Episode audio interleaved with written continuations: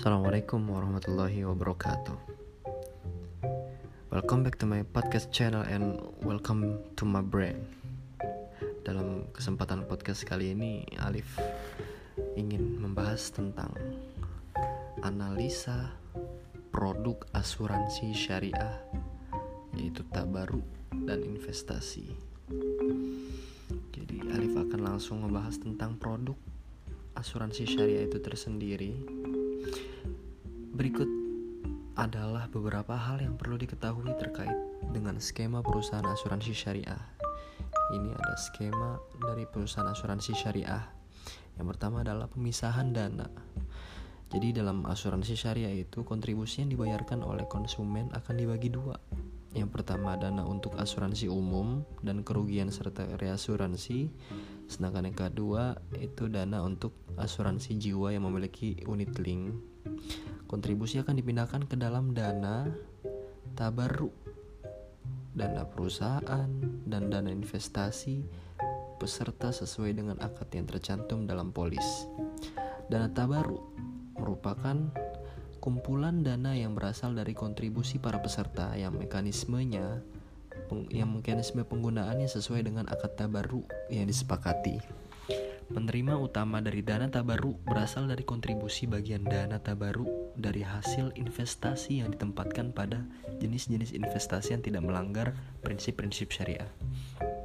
Di sisi lain, pengeluaran utama dari dana tabaru ini adalah pembayaran manfaat atau klaim kepada peserta yang berhak dan pembayaran reasuransi.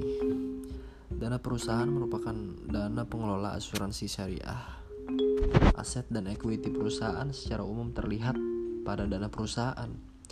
Penerima penerimaan dana perusahaan berasal dari ujroh yang merupakan bagian dari kontribusi peserta yang menjadi hak pengelola.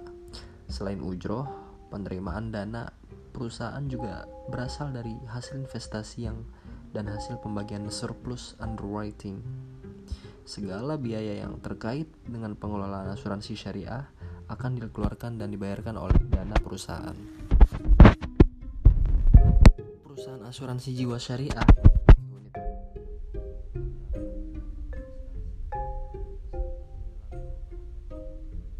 peserta akan diinvestasikan.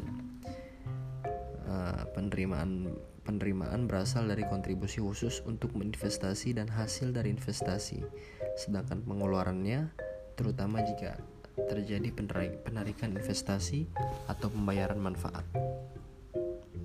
Akad-akad yang digunakan dalam kegiatan asuransi atau reasuransi adalah satu akad tabaru. Akad tabaru merupakan akad yang menghibahkan dana dari peserta ke dana tabaru untuk tujuan saling menolong dan saling melindungi. Akad ini bersifat dan bertujuan non komersial, nggak ada nggak ada nilai bisnisnya di dalamnya hanya semata-mata untuk membantu guys. Jadi akad yang kedua baru akad tijaroh. Akad tijaroh ini adalah akad yang bertujuan untuk komersial untuk berbisnis. Pengelolaan dana berdasarkan akad wakalah bil ujroh murobahah dan mudorobah musyarakah. Akad wakalah bil ujroh adalah akad tijaroh yang memberikan kuasa kepada perusahaan sebagai wakil peserta untuk mengelola dana tabarru dan atau dana investasi peserta sesuai kuasa atau wewenang yang diberikan dengan imbalan berupa ujroh atau fee. Sedangkan akad mudorobah adalah akad tijaroh yang memberikan kuasa kepada perusahaan sebagai mudorib 100% untuk mengelola investasi dana tabaru dan atau dana investasi peserta sesuai kuasa atau wewenang yang diberikan dengan imbalan berupa bagi hasil atau nisbah yang besarnya telah disepakati sebelumnya. Lalu yang terakhir adalah akad mudharabah musyarakah. Adalah akad tijarah yang memberikan kuasa kepada perusahaan sebagai mudorib untuk mengelola investasi dana tabaru dan atau dana investasi peserta yang digabungkan dengan kekayaan perusahaan sesuai kuasa atau wewenang yang diberikan dengan imbalan berupa bagi hasil atau nisbah yang besarnya ditentukan berdasarkan komposisi kekayaan yang digabungkan dan telah disepakati sebelumnya. Surplus underwriting adalah selisih lebih total kontribusi peserta ke dalam dana tabaruk setelah dikurangi pembayaran santunan atau klaim kontribusi reasuransi dan cadangan teknis dalam satu periode tertentu. Surplus dana tabaruk wajib dibagikan dengan pilihan A. Seluruhnya ditambahkan ke dana tabaruk B. Sebagian ditambahkan ke dana tabaruk dan sebagian lagi ditambahkan kepada peserta C.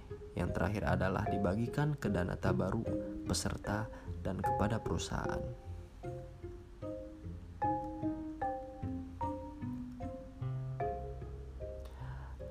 Ketiga, kita akan bahas mengenai court. Court adalah pinjaman dana dari perusahaan kepada dana tabaru untuk menanggulangi ketidakcukupan kekayaan dana tabaru untuk membayar santunan atau klaim kepada peserta. Pemberian court dari dana perusahaan ke dana tabaru secara peraturan dilakukan untuk menutup kekurangan pembayaran manfaat atau klaim dari dana tabaru kepada tertanggung. Sifat bisnis Perbedaan mendasar antara asuransi syariah dan asuransi konvensional selain prinsip-prinsip syariah juga terkait risiko. Dalam asuransi syariah, risiko ditanggung bersama-sama di antara peserta atau risk taking, risk sharing. Sedangkan dalam asuransi konvensional, risiko dialihkan kepada perusahaan sebagai pengelola uh, asuransi tersebut, risk transfer. Jadi dia di asuransi syariah pakai risk sharing dan asuransi konvensional memakai risk transfer. Tanggung jawab dan intensi pemegang polis atau peserta.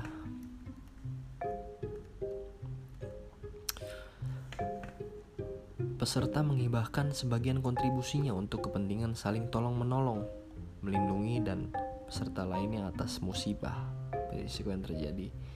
Ini ada salah satu ini ya dalam asuransi itu ada tolong menolong ya guys. Karena salah, salah satu nasabah menolong nasabah yang lainnya lagi kecelakaan atau membutuhkan atau lagi sedang ada musibah. Jadi di situlah nilai ta'awun alal biri wa takwanya yang keenam adalah kepemilikan dana kelolaan dana tabaru dan ta, dan dan dana investasi peserta dimiliki peserta sesuai dengan akad atau perjanjian Praktik yang diharamkan adalah praktik-praktik yang dilarang yang mengandung unsur mainsir, maisir, goror, dan riba. Nah, ini ada jenis-jenis produk atau lini usaha yang ada di asuransi syariah. Terbagi dua, asuransi jiwa dan asuransi kerugian. Contoh produk-produk asuransi jiwa itu ada asuransi jiwa berjangka, asuransi jiwa dwi guna, asuransi kesehatan, asuransi kecelakaan diri, dan unit link. Dan contoh dari asuransi kerugian ada asuransi benda harta atau bisa dibalik dengan asuransi harta benda, asuransi kendaraan bermotor, asuransi pengangkutan, asuransi rangka kapal, rangka pesawat, satelit, energi onshore, energi offshore, rekayasa, tanggung gugat, kecelakaan diri, kesehatan, dan aneka. Itu adalah produk-produk dari asuransi kerugian. Mungkin ini saja yang dapat kita bahas dalam